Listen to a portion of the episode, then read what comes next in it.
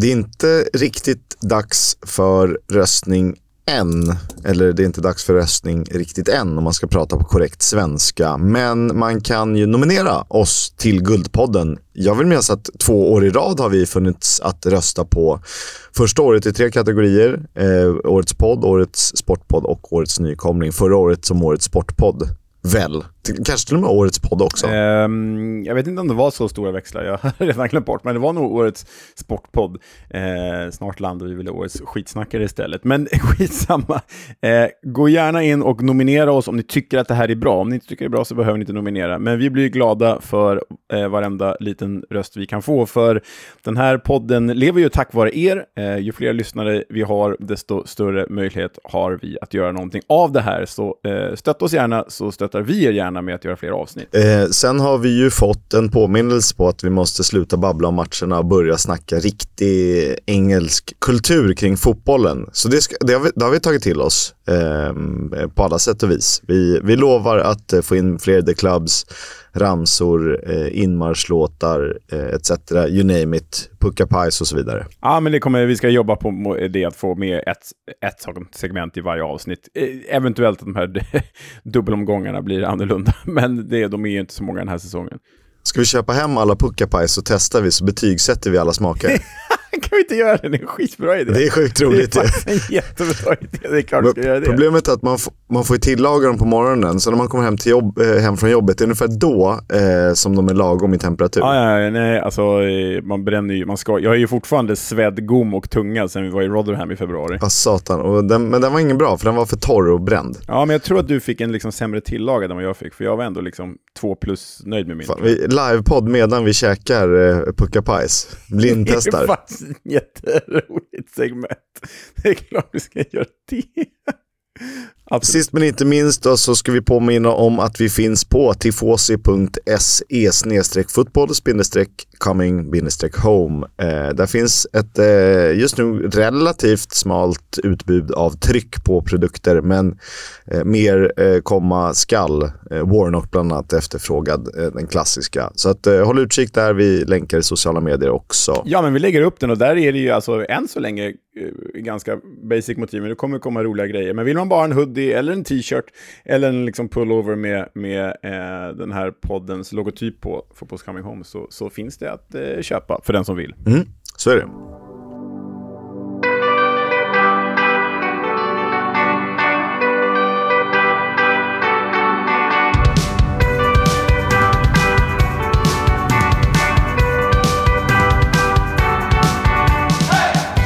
Du lyssnar på Fotbolls Coming Home, en podcast om Championship, League 1 och League 2 med mig, Oskar Kisk och med eh, Leonard Jägerskiöld Welander. Jag måste bara innan vi går vidare Kisk, jag vet att du vet det, men jag tänkte ändå eh, skryta för våra kära lyssnare. Jag var ju på fotboll här i helgen ju. Jag är ju inte eh, hemma vid, jag är ju i Spanien. Eh, och tog min tvååriga son på hans första fotbollsmatch eh, någonsin. Vi åkte och såg Villarreal mot eh, Las Palmas, men eh, vi ska inte förkovra oss i den spanska fotbollen här. Men jag såg ju två Championship-profiler, Kisk. Så fett ju. Ja. Och det, alltså, Ben Brereton Diaz är ju på en annan nivå. Det är ju nästan en Champions League-spelare numera. Ja, för oss är det ju det. Men, men Ben Brereton Diaz startade alltså för Villarreal hemma mot Las Palmas. Han startade till vänster i ett tremananfall. Eh, och han var värdelös. Han var så dålig Kisk. Alltså han var så jävla dålig. Eh, nu har ju Villarreal eh, inlett den här säsongen väldigt uselt. I nuläget ligger de typ bara två poäng ovanför nedflyttningsstrecket. Men, eh, men tydligt var att han inte var särskilt synkad med Alexander Sörlott som spelar centertank, som är också en jävla skitspelare för övrigt, men inte har kämpat. Ja, det är ju en, ja, så svårt för honom som, som fotbollsspelare. Han är säkert en grym person, men som fotbollsspelare. Ja, mm. nej. Men, men eh, det kom ett läge, alltså Villarreal förlorade den här matchen med 1-2, borde kanske vunnit med 5-1, men eh, de satt ju inte sina lägen för att de hade Sörlott och Ben Brereton Diaz längst fram. Men, men det kom ett läge i den första halvleken där det stod 0-0, där Sörlott och Ben Brereton Diaz kommer eh, fria, de två mot målvakten. Och Sörlott eh, passar Ben Brereton Diaz, eh, men Diaz hinner, BBD hinner inte få iväg ett avslut och blir stoppad av en försvarare. Och publiken liksom Ja, men du vet när spansk publik kör busvisslingen mot, när hela arenan kör busvisslingen. Det fick ju Ben Berton Diaz. Um, så han är inte så populär och jag tror att steget från Blackburn till Villarreal har varit lite för stort. Tyvärr. Det är imponerande att de kan busvissla med eh, alla fågelfrön de har i munnen. Ja, exakt. Men sen så hoppade ju Sorricaba in för, för Las Palmas i andra halvlek. Han som gjorde succé i, i eh, vad var han var? Cardiff i våras. Han var i Cardiff. På ja. lån från något tyskt gäng va?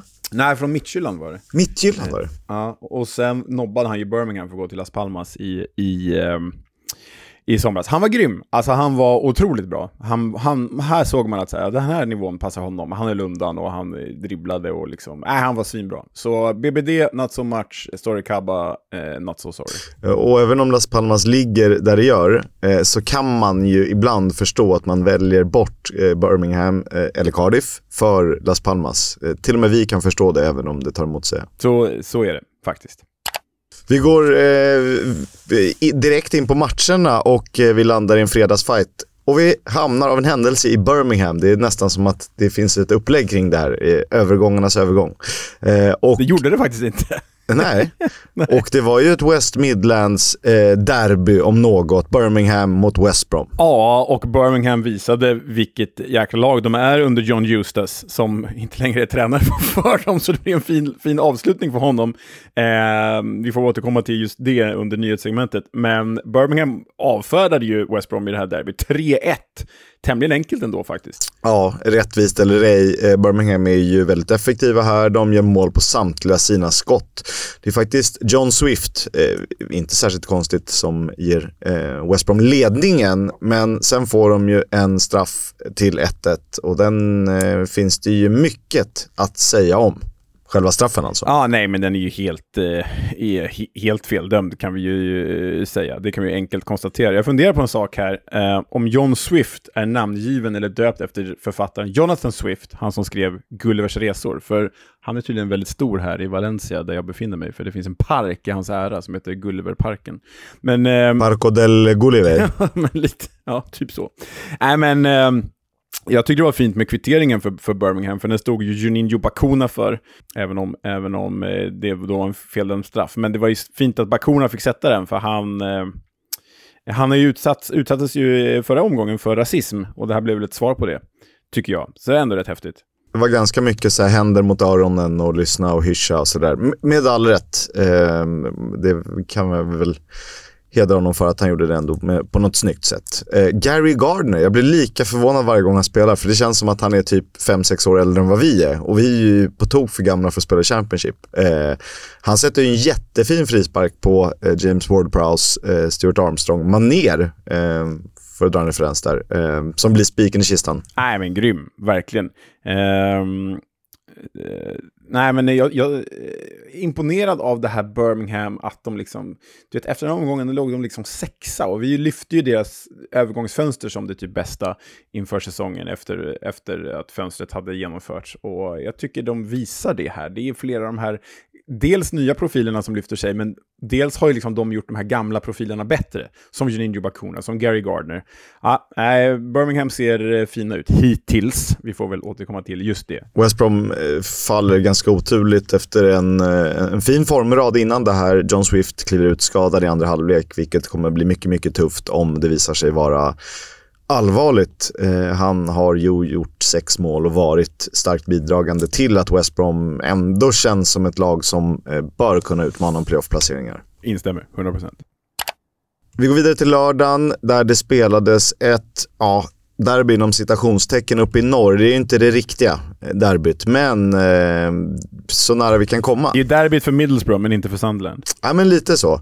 Eh, och vad passar väl bättre än att en Sunderland-fostrad spelare får göra mål för Middlesbrough borta mot Sunderland på Stadium of Light. Sam Greenwood, nu på lån från Leeds. Alltså det är ganska orent det där ändå. Det där borde vi reda ut i typ nästa gång de möts, för det finns, känns som att det finns väldigt många spelare som har representerat åtminstone två av de tre eh, rivaliserande klubbarna där uppe i nordost, Sunderland, Middlesbrough och Newcastle. Alltså Sam Greenwood då, nu till exempel. Lee Cattermole har ju spelat i, i både Middlesbrough och Sunderland. Jack Colback har spelat i, i Sunderland och Newcastle.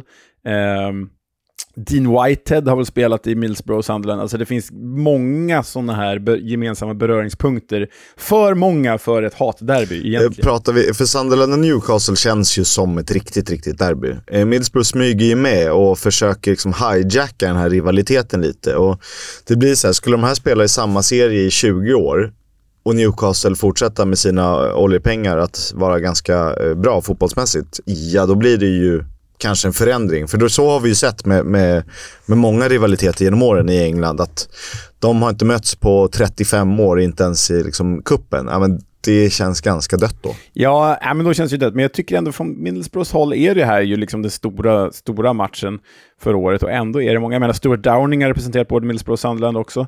Äh, det finns lite för många så här förmildrande övergångar här för att Middlesbrough ska kunna kalla det för ett mm. riktigt hatderby. Det var ju så att Danil blev utvisad sent i första halvleken.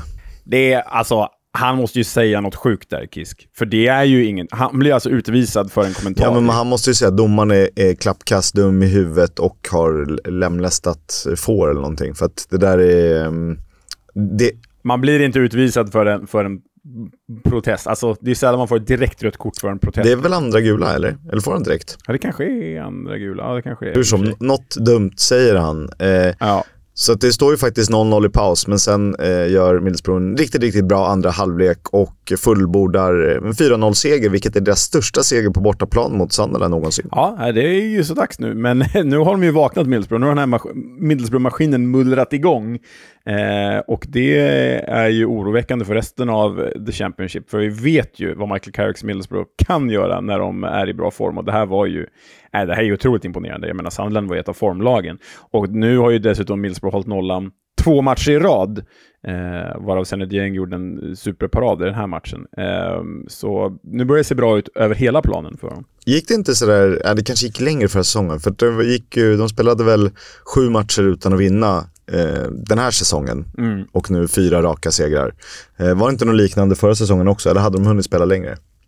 Kanske hade gått lite längre. Jag tror att de hade hunnit spela längre. Jag tror att det var typ ända ner i november. Typ. Det kanske var till och med så, eh, med, med Chris Wilder vid rodret. Ja. Eh, det var den matchen. Vi går vidare till ett 1-1 möte mellan Cardiff och Watford. Ja, eh, och det, menar, det man tar med sig här, Ken Sema fortfarande skadad för Watford förut, men det man tar med sig här är alltså att det är femte raka matchen utan seger i ligan för The Hornets. En seger på de elva senaste totalt och bara två segrar i The Championship under Valerian Ismael. Alltså Watford, ni har ju alltid sparkat tränare när det gått bra. Varför Förlänger ni kontraktet med tränaren när det går dåligt? ja, det är så, det är så konstigt. Nu, jag, jag, säger inte att de ska sparka Ismael än, det, det, det är för tidigt. Man måste tro på... Ja, nu har de ju verkligen inte råd. Då får de ju sparka, liksom, han har väl åtta års kontrakt Ja, men de får tro på processen. Men det är bara så konstigt beteende från den här klubben. att säga, Ni sparkar allihopa hela tiden oavsett om det går bra eller dåligt, men nu när det går igenom uselt, då behåller ni honom. Nej, jag, nej, jag förstår inte. 1-1, alltså så här, Å andra sidan, om man ser just ur, ur, den här enskilda matchen, man ser, tar ut, plockar ut det resultatet, 1-1 borta mot ett playoff-nosande Cardiff, ja men det är ju ändå rätt bra helt plötsligt. Ja, det är väl, det är väl helt okej, absolut. Men det är två poäng ner till nedflyttningsstrecket, eller understrecket faktiskt. Eh, Aaron Ramsey borta för Cardiff, det tycker jag ändå märks eh, till viss del. De, Errol Bullet verkar ha fått ihop det här, byggt bakifrån, men eh, han är ju en, han är en nyckel. Han låser ju upp saker. Ja, nej, men han är ju X-faktorn som gör, som gör att de vinner den här matchen med 2-1 istället för att sluta 1-1.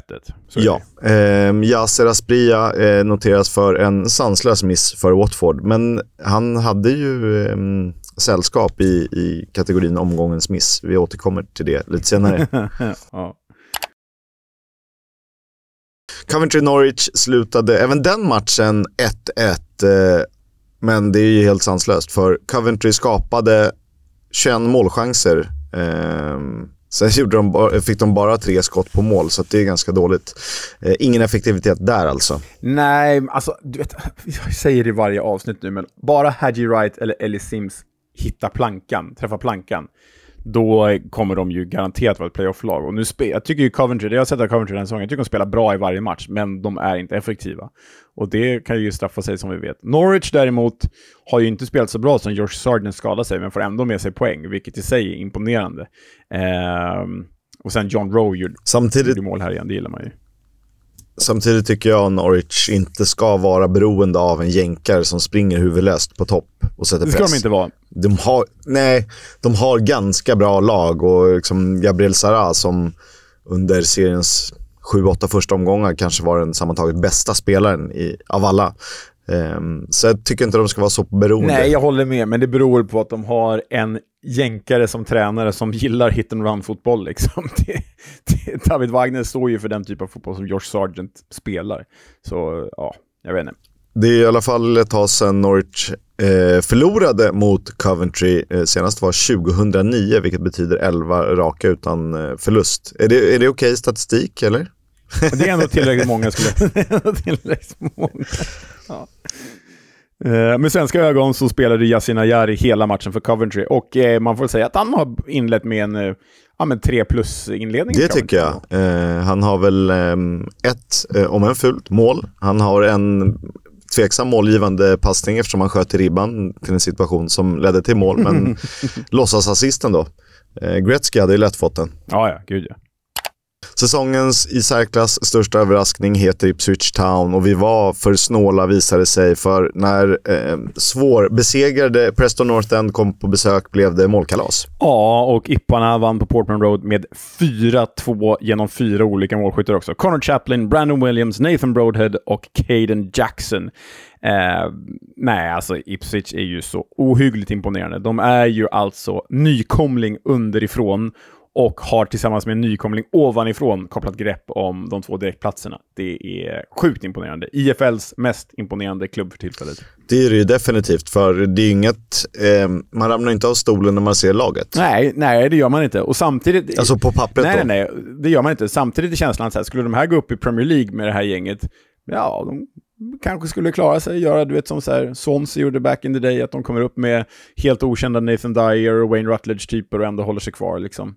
Um, så nej, Ipswich är extremt imponerande. Det, liksom, de, de ger sig inte, de bara trummar på. Maler på den jäkla traktorn som de är. Det här var ju tredje raka förlusten och fjärde i följd utan seger för Preston North End som har släppt in 11 mål på tre matcher. Innan det hade de släppt in 6 på 8. Så att de har hamnat lite i en formsvacka. Nu handlar det om hur Ryan Lowe kan lösa det här. För vi såg att de gick ju i, i stora sjok under förra säsongen eh, och det här behöver de ju fixa till. För i och med det här så skiljer det 8 poäng från tredje placerade PNI upp till eh, Ipswich på andra plats. Ah, jag måste säga att du har ju varit helt rätt i din, din analys inför säsongen att PNI kan överraska och det har de ju gjort. Eh, sen tror väl jag på sikt att det inte är de som ska utmana topp två här, utan det är väl kanske mer ett Leeds, eh, framförallt eventuellt ett Southampton, kanske. Men, men eh, att de ens är här uppe och, och slåss om, om playoff, det är bra scoutat Chris, bra jobbat. Leif Davis vill vi ju lyfta ut, eh, ensam assist ligaledare Eh, spelar i Ipswich, ytterback, fem målgivande passningar har han. Särskilt eftersom han stavas ju Leif Davis. Och jag tyckte det var så his hiskligt roligt när jag såg, fan det var en kille som heter Leif Davis när vi pratade om honom för typ två år sedan. Men han heter alltså Leif Davis och ingenting annat.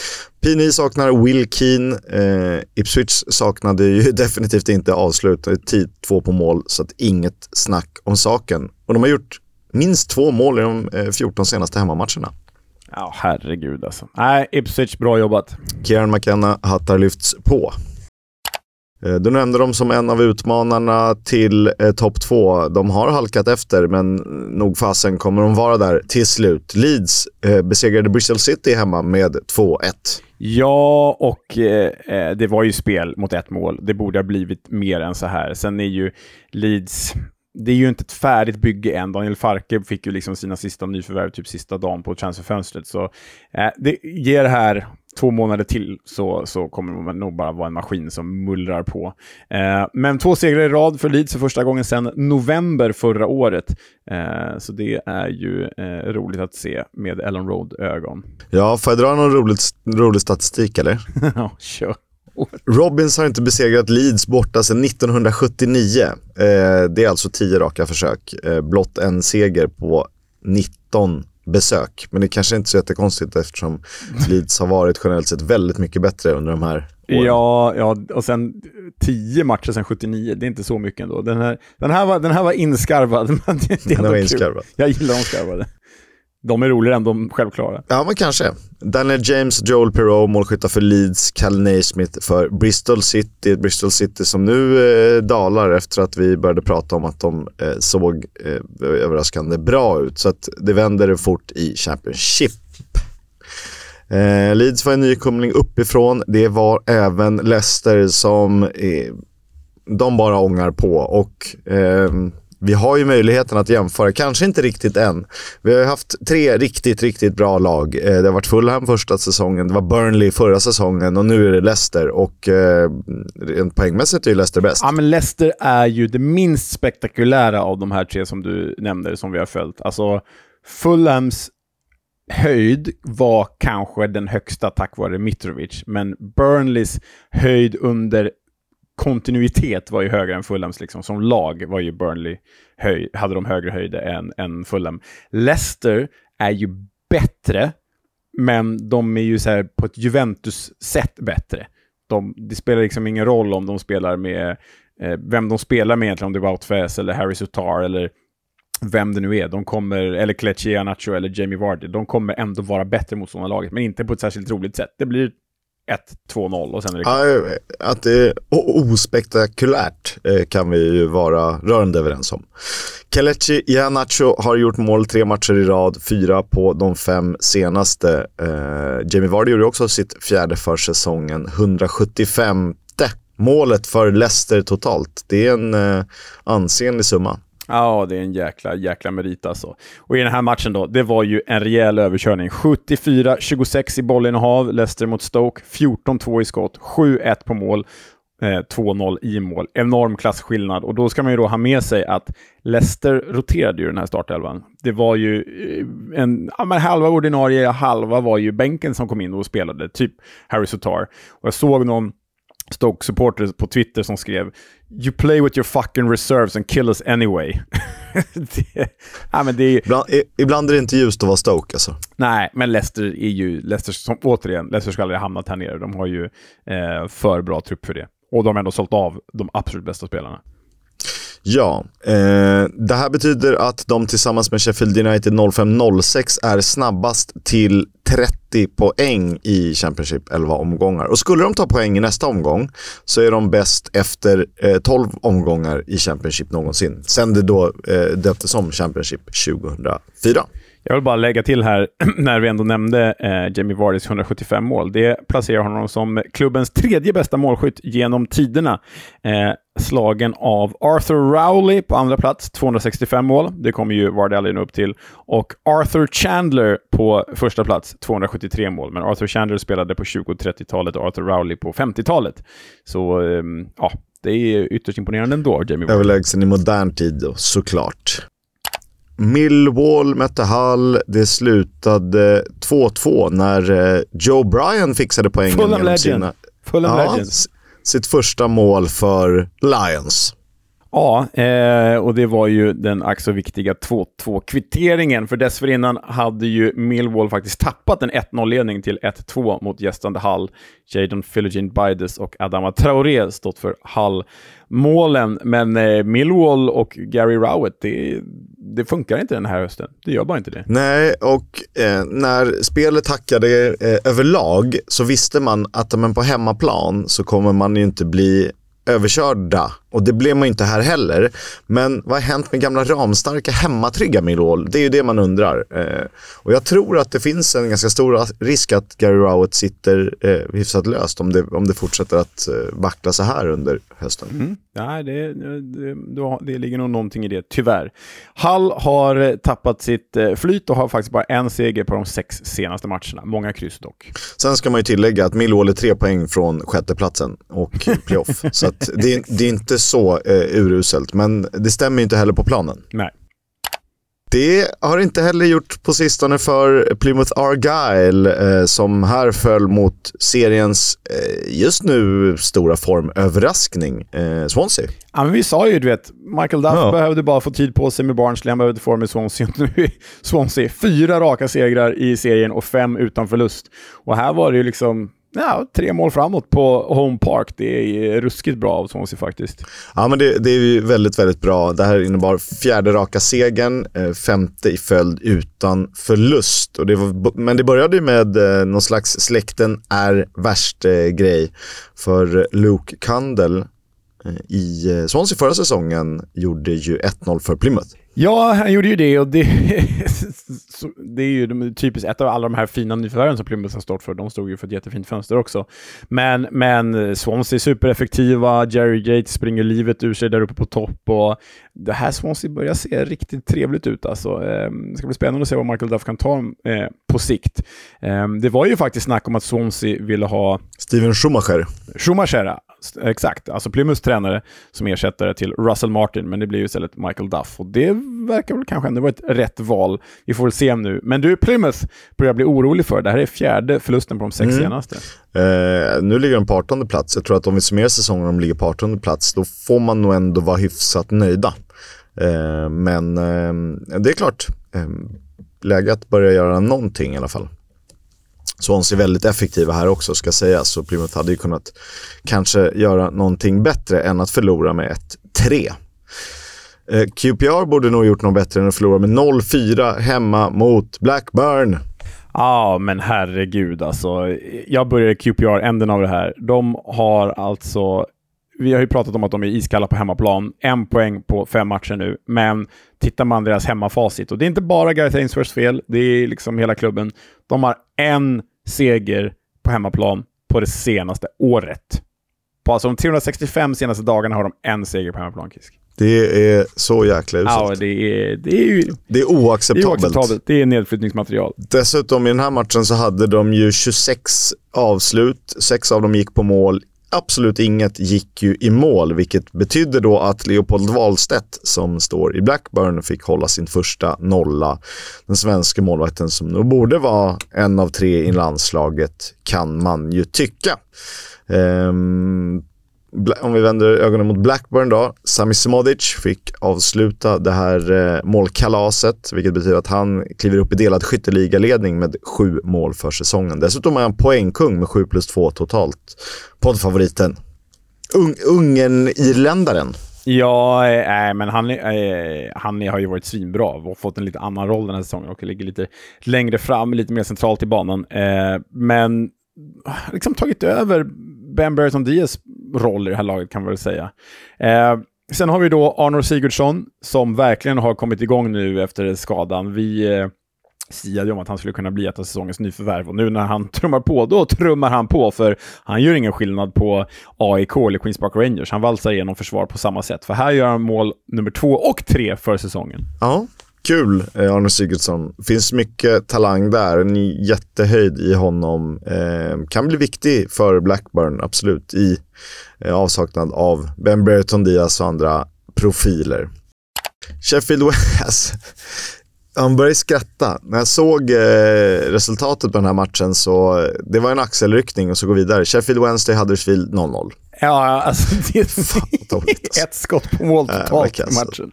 Men det som, det som gjorde något med den här matchen, det var ju faktiskt att det var Darren Moore som kom tillbaka till Hillsborough. Och han hyllades från alla håll och kanter, förutom från Thank You Mr. Chansiri som satt på sitt Bondskuggsmanér och, och klappade en imaginär katt uppe på läktaren. Eh, nej, men eh, Darren Moore åkte ju ändå till sin gamla arbetsplats och löste en pinne och bra var väl det för Huddersfield för dem, eh, så länge de inte förlorar här. Och Owls uppe på tre poäng nu, i alla fall vårt gäng. Way. Ja, nej, ja, det känns, det är bara smolk i bägaren. Visst, det, det, det, fanns chanser i den här matchen, men det är väl kanske rätt talande att eh, båda lagen har lägen, men att det slutar med ett skott på mål. Eh, för nog hade det kunnat bli 3-2 eller 2-3 eller 1-3 eller 3-1 eller vad fasen som helst. Men det är kallt. Huddersfield eh, kan ändå vara nöjda med en poäng borta mot en bottenkonkurrent, eh, får vi eh, nog lov att kalla det här mötet. 0-0 ehm, rätt talande särskilt för The Owls alltså. Tredje poängen in. Yay. Fem mm. mål på elva matcher. Fantastiskt. Omgångens sista match att avhandla spelades på sydkusten mellan Southampton och Rotherham. Och hade det inte varit för Victor Johansson så hade nog Southampton vunnit den här matchen ganska överlägset. Nej, men Victor Johanssons bästa insats den här säsongen, får man väl säga.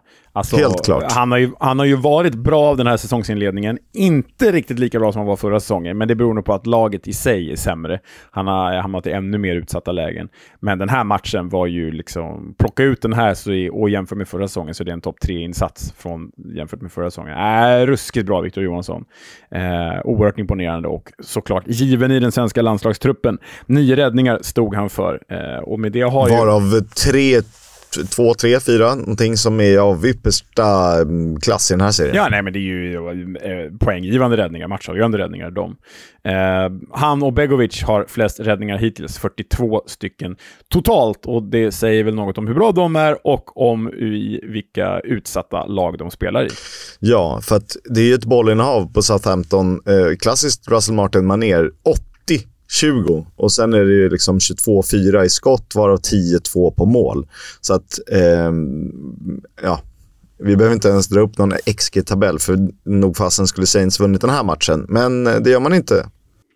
Ja, men de, ska ju, de ska ju leda serien om de, om de inom citationstecken bara börjar göra mål på sina chanser och slutar släppa in mål på få, på få skott. Men det, är, det, är, ja, det är fotbollens matematik det där. Fasen vilket Jordan Hugilskt mål det är. Den typen av anfallare i den typen av lag mot det typen av motstånd som Alltså, du får eh, några sekunder och en, lite slarv i försvaret och en målvakt som är för långt ute och sen en lätt lyftning och så är det 1-1. Ja, nej, är, han, är ju, han är ju fin när han väl får möjligheten, vilket han inte alltid får. Nej, eh, han får ta sig möjlighet.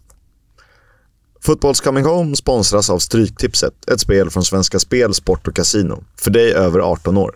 Stödlinjen.se. Eh, kupongen släpps torsdag 07.00 så ni som lyssnar på det här på onsdag eh, får hålla ut lite. Ni andra eh, vet hur den ser ut. Den finns ju på svenskaspel.se.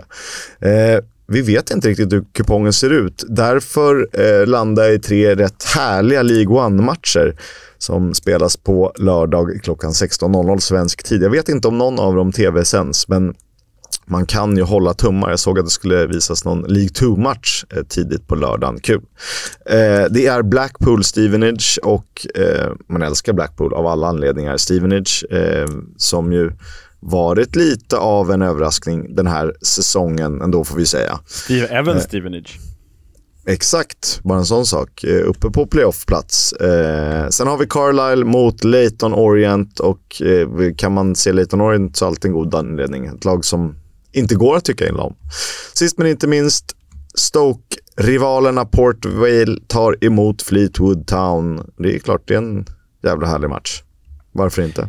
Ja, alltså de flesta matcher är, är ju uppskjutna i League One på grund av det här förhatliga landslagsuppehållet som kommer nu, men kupongen finns ju alltjämt kvar och jag, jag är jäkligt sugen på den där Blackpool Stevenage, för Blackpool är ju ganska kassa nu, vilket gör dem ännu härligare på något sätt. Det hör till att Blackpool ska vara kassa. Eh, annars är ju League One en jäkla fest alltså. Portsmouth och Oxford fantastiska klubbar på varsitt sätt, har ju liksom kopplat grepp om, om första och andra platsen på samma sätt som Leicester Ipswich har eh, gjort i The Championship. Och sen eh, är det ju riktigt deppig läsning om man tittar nere i tabellen, för där ligger Reading tredje sist, nedflyttningsplats. Wigan näst sist, nedflyttningsplats. Och Reading går ju rykten om att de faktiskt är på väg att gå i konkurs här i dagarna. Så, så eh, vi får se. League One eh, både ger och tar om vi säger så. Men kul att Reading fick spela sin eh, första match mot eh, sina rivaler i helgen på väldigt länge.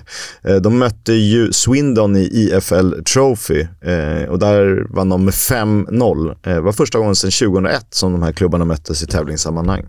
Det har varit lite med du vet Aldershot och egentligen är det väl Swindon och rätta mig nu, Oxford som är rivalerna ja. i den här ja. Didcot Triangle, men Reading smyger in där likt Middlesbrough gör uppe i norr. Um, och det har ju handlat om hur ofta lagen har mötts och när de har varit i samma serie. Men um, det går väl att plocka fram. Jag såg att det var, hade varit lite rusningar på stan. De passar väl på när de kan. Uh, för I övrigt får man inte mycket glädje om man bor i Reading. Nej, det får man verkligen inte. Det är faktiskt riktigt deppigt där. Och ändå ligger de före Wigan då, som jag noterar. Wigan ligger alltså näst sist av 24 lag, ligger på 23 plats. De har gjort femte flest mål i serien. Vad pågår? Varför har de gjort femte? De har ju minus åtta poäng. Ja, såklart. Det är därför. Såklart. Bra, tack. Annars hade, visst, de hade i och för sig bara varit på typ 18 plats, men eh, och, och Reading har ju minus fyra poäng, så att båda hade... Ja, Reading hade varit under strecket, ja. Wigan en, en, liten bit ovanför ja, strecket. Ja, bra, så är det ju. Ni hörde det i den första matchgenomgången. Birmingham sparkar alltså John Eustace och han är den bästa tränaren sedan Birmingham hade Gary Rowett, eh, vilket betyder tio tränare sedan. Eustaces vinstprocent är ändå godkända 33,3. Eh, Rowett hade 39,6 och honom eh, sparkar de ju för att göra plats åt Gianfranco Sola.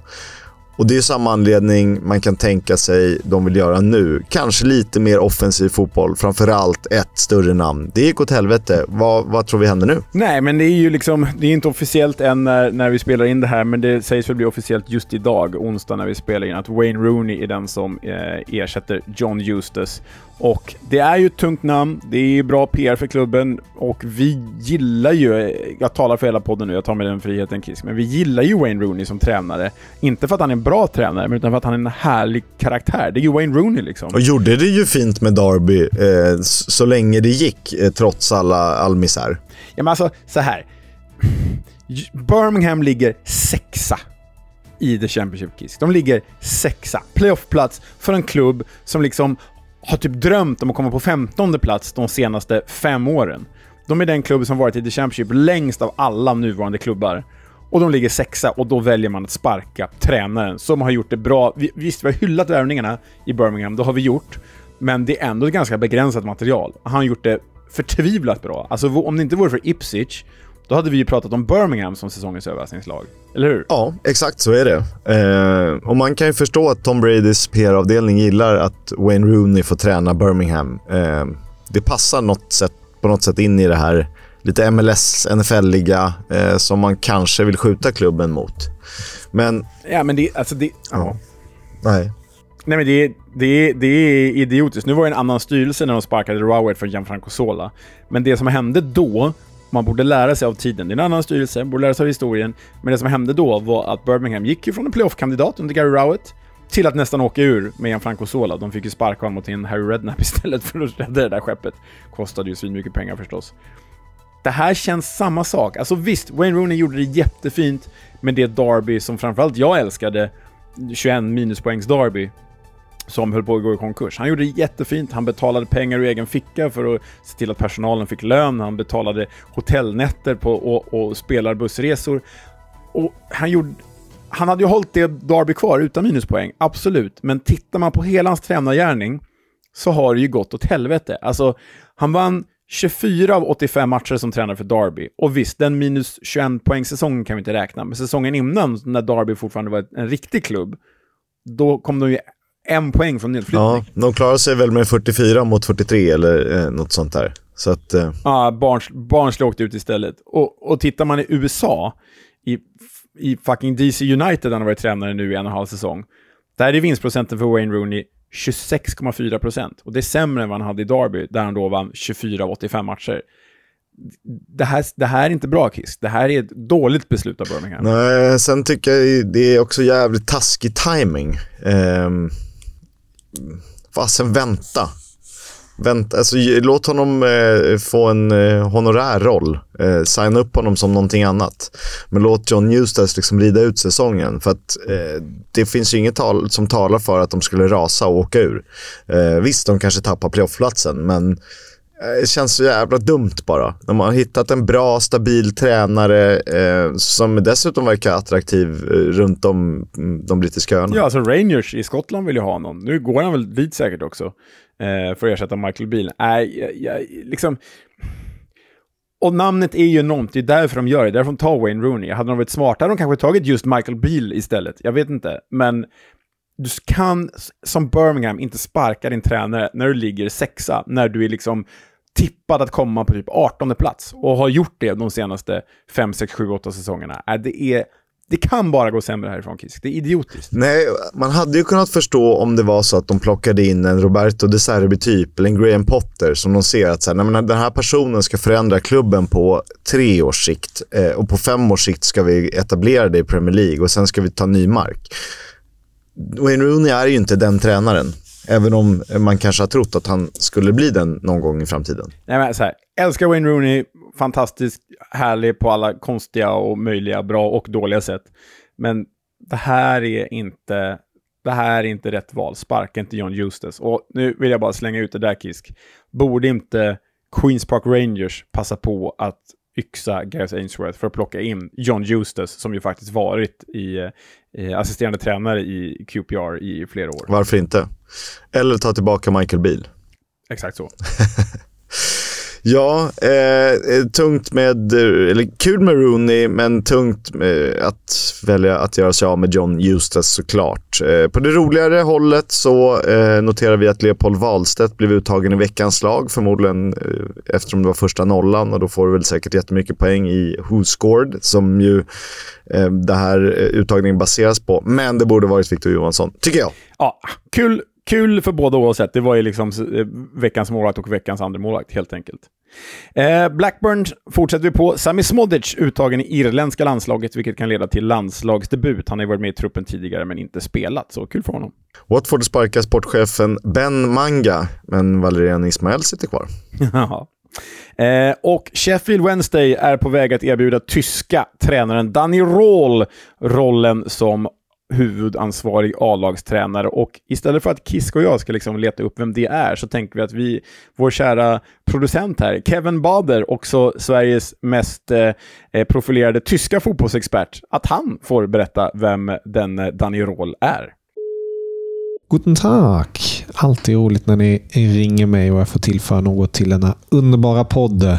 Ja, Danny Ruhl, vem är denna 34-åring? Ja, vi vet i alla fall att han är lite yngre än er, men han har redan bockat av ett par stationer i sin så kallade tränarkarriär. Han började som videoanalytiker i Rasenballsport Leipzigs ungdomsakademi blev sedan assisterande tränare där och flyttade upp sen till U17 och sist men inte minst A-laget under Ralf Hasenhüttel som videoanalytiker. Sen blev han faktiskt också assisterande tränare under Hasenhüttel i RB Leipzig och följde med honom sen till Southampton och blev ass där. Han lämnade dock efter eh, knappa åtta månader och vände ner till München och blev assisterande tränare till Niko Kovac men eh, blev inte så länge under Niko Kovac, för Hansi Flick kom in sen.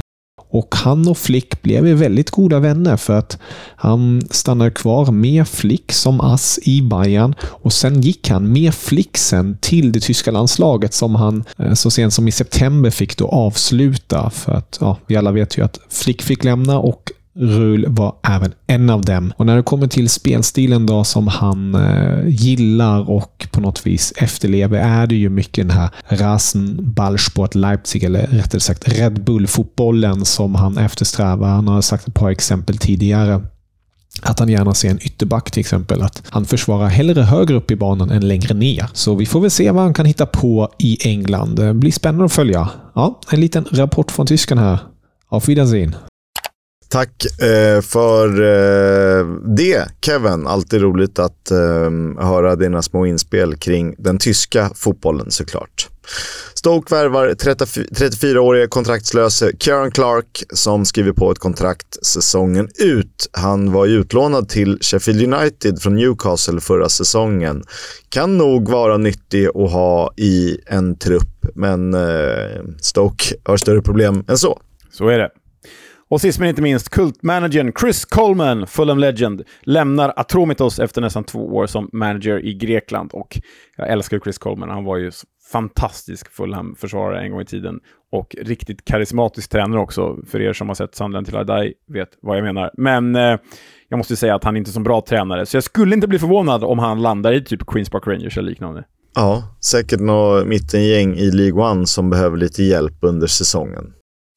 Eh, nu har det nästan gått för lång tid, men vi gör det ändå för att det är roligt. Vi eh, har tänkt att vi ska revidera vårt tabelltips eh, där vi är ganska snett ute, om vi ska vara helt ärliga.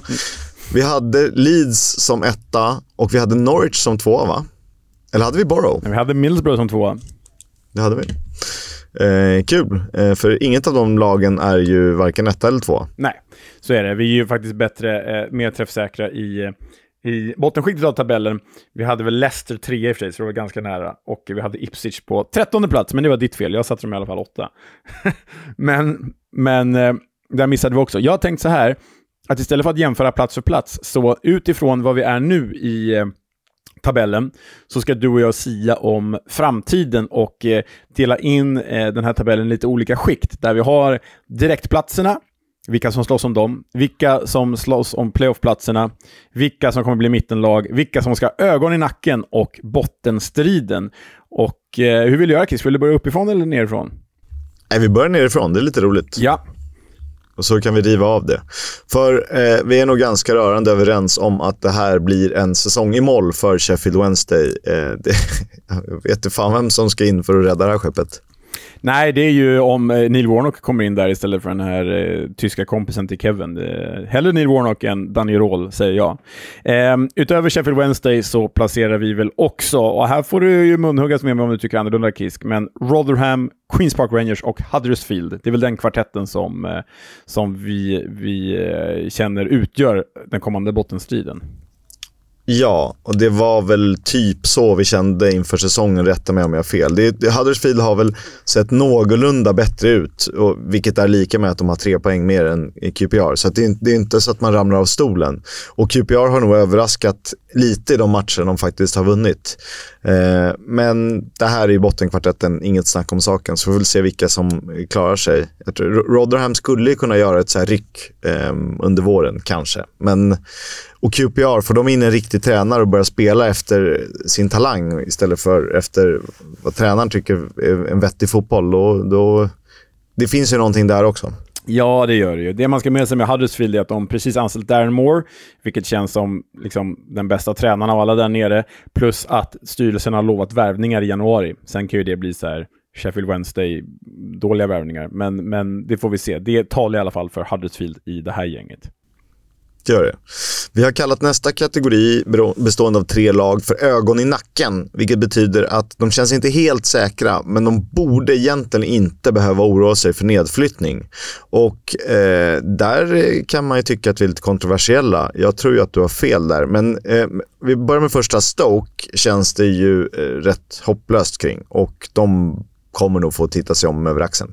Ja, det, om jag får framhäva mig själv någon gång så gör jag väl det här. Jag sa ju inför säsongen att Stoke skulle just ha ögon i nacken och det ser onekligen ut så. De får inte ihop det här främlingslegionen som de har värvat och eh, man undrar ju när eh, Alex Neil får gå som tränare, för Stoke gillar ju att yxa bra tränare. Ja, om han nu är så bra tränare. För, eh, eh samtidigt, det verkar inte vara tränaren det är fel på. Sen har ju du skrivit Watford och Stoke och jag, eh, förlåt, Watford och Plymouth. Och jag är inte helt säker på att Watford kommer vara så dåliga när vi summerar säsongen. Eh, jag tror snarare att det är liksom mitten, nere i mitten. Ja, och du kanske har rätt där. För Watford är ju liksom, ut, ögonen i nacken är utifrån nuläget egentligen. För det är där de befinner sig nu. Och jag tror att du nog, att jag kanske var lite för negativ när jag skrev det här. Du kanske har rätt att Watford kommer bli ett mittenlag. Men vi är väl kanske överens om att Watford inte blir den playoff-utmanare som de tänkte vara.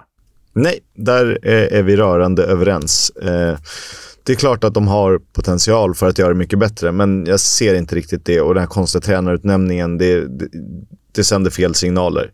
Sen har vi skrivit Plymouth och... Eh, ja, spelmässigt funkar det inte alltid och utdelningsmässigt, men de har ju jävligt bra eh, pigga spelare. Pigga spelare, ungt. Men ja. det, de kan ju också vara nykomlingen som har dansat lite. Lite så. Pigga spelare, ungt lag, men ganska naivt också. Alltså det är inte Russell Martin naivt, men det är naivt utifrån deras unga manskap. Jag tycker att de åker på ganska konstiga och billiga mål och bakåtchanser där Connor Hazard i målet får jobba i onödan. Jag vill ju gilla det här Plymouth, eller jag gillar det här Plymouth, men jag tycker tycker att de känns lite för ofärdiga, lite för valpiga och med den tunna truppen, ja, jag, jag är nog ändå lite rädd för dem på sikt, att det, det kan skita sig mer än vad det går bra. Ja, det, jag tror att de klarar sig i PGA-kombinationen. De har lite för mycket spets i typ Hardy i Morgan Whittaker och Balimumba. Och eh, övriga lag där nere är lite för dåliga, så de kommer inte behöva oroa sig. Men det blir... Det, lagen som är framför har, tycker jag, en högre högsta nivå i form av lag. Om vi går vidare till nästa, det som vi kallar mitten. Men det blir nästan nedre mitten, men, men det är de som absolut inte behöver vara oroliga för nedflyttning, men som inte ska ha någonting att göra med playoff om de inte dopar sig själva. Ja, och ska vi dra av dem eller? Det är ju ett, ett skikt då på de här klubbarna. Birmingham, Cardiff, Swansea, Millwall, Bristol City, Blackburn. Um, alla ska vara för bra för att åka ut. Eh, det känns som att de verkligen måste träffa plankan för att kunna slåss om playoff. Jag vet att Birmingham ligger där, vi vet att Cardiff nosar där, men den här tränarutnämningen... Jag vet att Swansea formmässigt nästan mentalt borde vara ja, där. och Millwall ska ju vara där sett till liksom, trupp och tidigare säsonger, men Millwall har ju börjat sådär. Bristol City och Blackburn känns ju supergivna mittenklubbar. De behöver inte röra. Det är ni liksom supergivna. Men, men Swanseas, Michael Duffy är lärare, men Swanseas trupp känns lite för tunn för att orka spela så här bra fotboll som nu är just nu under eh, lång tid. Och den här tränarutnämningen som Birmingham gjort, jag, jag ser bara ett ras i det. Jag ser inte att de kommer bibehålla det de faktiskt hållit på med hittills. Nej, det är risk att det skadar mer än det, eh, alltså att det hjälper mer än det hjälper. Um, för det är ju, eh, där mitten är egentligen det tråkigaste, men kanske på något sätt det härligaste. Det är de vi blir tvungna att bekanta oss med, blir riktigt bra polare med eftersom de är kvar säsong efter säsong. Lex, Birmingham och eh, South Wales, bröderna där. ja, ja, verkligen. Sen ska man ju ha med sig att i det här läget för ett år sedan, alltså då ledde ju typ QPR-tabellen och Reading låg fyra. Reading åkte ut och QPR var liksom sex poäng från att åka ut. Så det, det, betyder ju att liksom Cardiff och, och, och, Swansea ligger där, där de gör nu, eller Birmingham behöver inte vara en garanti för någonting. Alla de tre kanske åker ut. Vi vet inte, men det här är det vi siar om i alla fall. Ja, och det för oss in på nästa eh, som är ett eh, koppel om sju klubbar som då ska vara med och utmana om playoff. Och där är kanske mest intressant då Middlesbrough som vi hade som tvåa, eh, som ligger på plats 16 mellan Millwall och Blackburn i nuläget de är ju på gång nu, har de visat. Och de kommer lyfta, likt Reading rasade och likt de lyfte förra säsongen. Ja, nej men absolut. Middlesbrough har ju, som vi ser nu när de är igång här, enorm potential, enorm höjd och under Carrick, nej men både du och jag känner väl att det här är ju nu är nog topp två för långt bort, men, men eh, det här är ju en playoff-klubb. Ska vara det. Coventry har vi där. Eh, börjar de bara göra mål så kommer de som sämst komma sexa. Liksom. Sen har vi Norwich, West Brom, Southampton, Hull, PNI. I det gänget, Kisk, vem är du mest osäker på som en playoff-utmanare? I det gänget? Eh, Hull är så jävla ojämna, ursäkta att jag svär. Det är fasen vad man går bort sig där.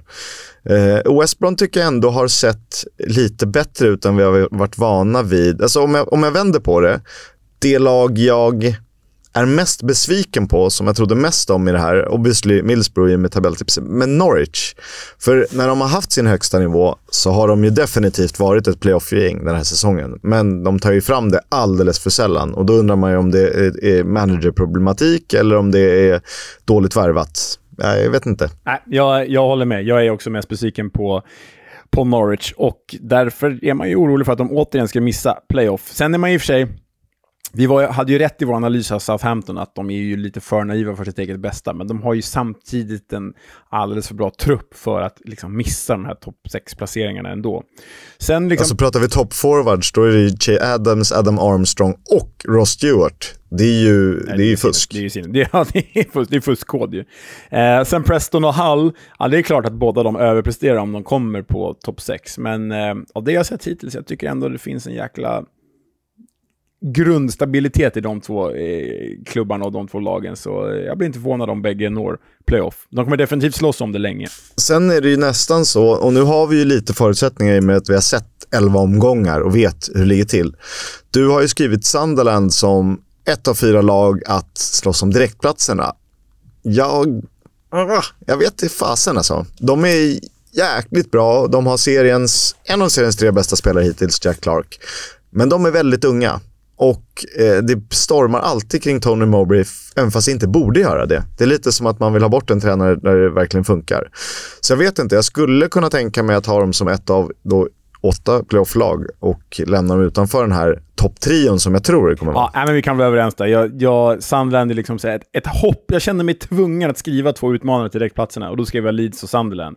Så, och, så här, om, jag tving, om, du, om du är tvungen att välja två utmanare till Leicester Ipswich, vilka väljer du då? Vi är överens om Leeds. Vem skulle du ha som andra utmanare? Där jag uppenbarligen tar Sunderland då. Ja, för att det är kul så säger jag Norwich. För att det, alltså, det ja. finns där. Det finns där någonstans bara. Lite svårt att, att ta fram. Men ja. Eh, eller ska man säga Middlesbrough? Bara för att det är kul. Jag säger Middlesbrough. Ja, jag säger ja, Middlesbrough. Ja, bra. Bra. Stå på Middlesbrough. Det är, så, så gör Jag har ju stått för West Brom som playoff-utmanare eller som playoff-lag i liksom tre säsonger nu. Så att... ja.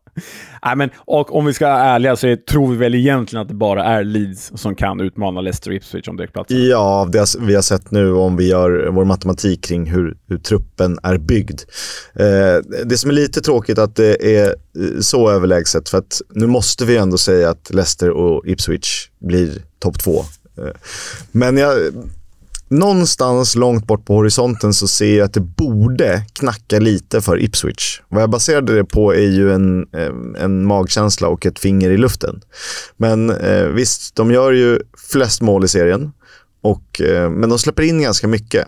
Sen har de en bra målskillnad till skillnad från många andra gäng i den här serien. Så att, eh, jag vet inte, men skulle det börja hacka så släpper de ändå in rätt mycket mål och sådär.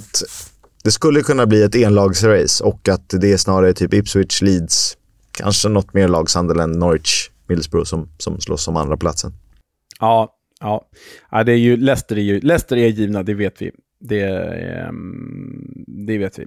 Ja, det där var väl vårt eh, tabell, reviderade tabelltips. Ja, nästa gång ska vi käka puckapajs i livesändning. Ja, alltså på riktigt, vi måste ha en sån special. Vi gör, det måste gå att köpa i Sverige, va? Puckapajs. Det måste ju gå. Ja, det fanns ju den här The English Shop som Kenny Pavis fru drev förut i, i Söderhallarna.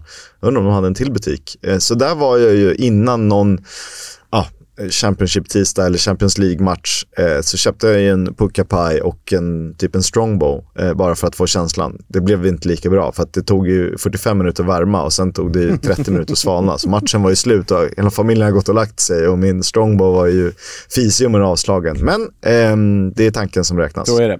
Eh, är vi utlovade det i alla fall. Vi borde kanske höra av oss till Kenny Pavey om att gästa podden och snacka Millwall. Eh, lite uttjatat kanske. Och snacka puckapajs. Och snacka puckapajs, verkligen. We'll have a chat about the fucking game. About your game, last few months, last few weeks. Fucking character. Eh, Neil Warnock har varit ganska tyst sen det har tisslats och tasslats om att han är öppen för att ta Sheffield Wednesday-jobbet. Men en eh, gammal klassiker som jag hittar på någon Scottish Banter-sida eh, tycker jag är väl värd att titta på. Eller hur Leo? Eh, ja, det, det, tycker jag absolut. Vi kan väl bara köra igång den direkt så, så får våra kära eh, lyssnare höra. He should have timed his run and certainly he was in and goal. Offside given against him. Just before that... You should have gone to spectators, Charlie, because I tell you what, he's not offside. Well, he's absolutely bang in line, not offside. Well, maybe you should go also then, Jeff, because uh, you couldn't see driving home the other night because you you don't even wear your glasses in, in uh, TV in case you get you get slagged off. So You just, uh, you just stick to Specsavers and out. Fy fan vad dåligt jävla skott där alltså.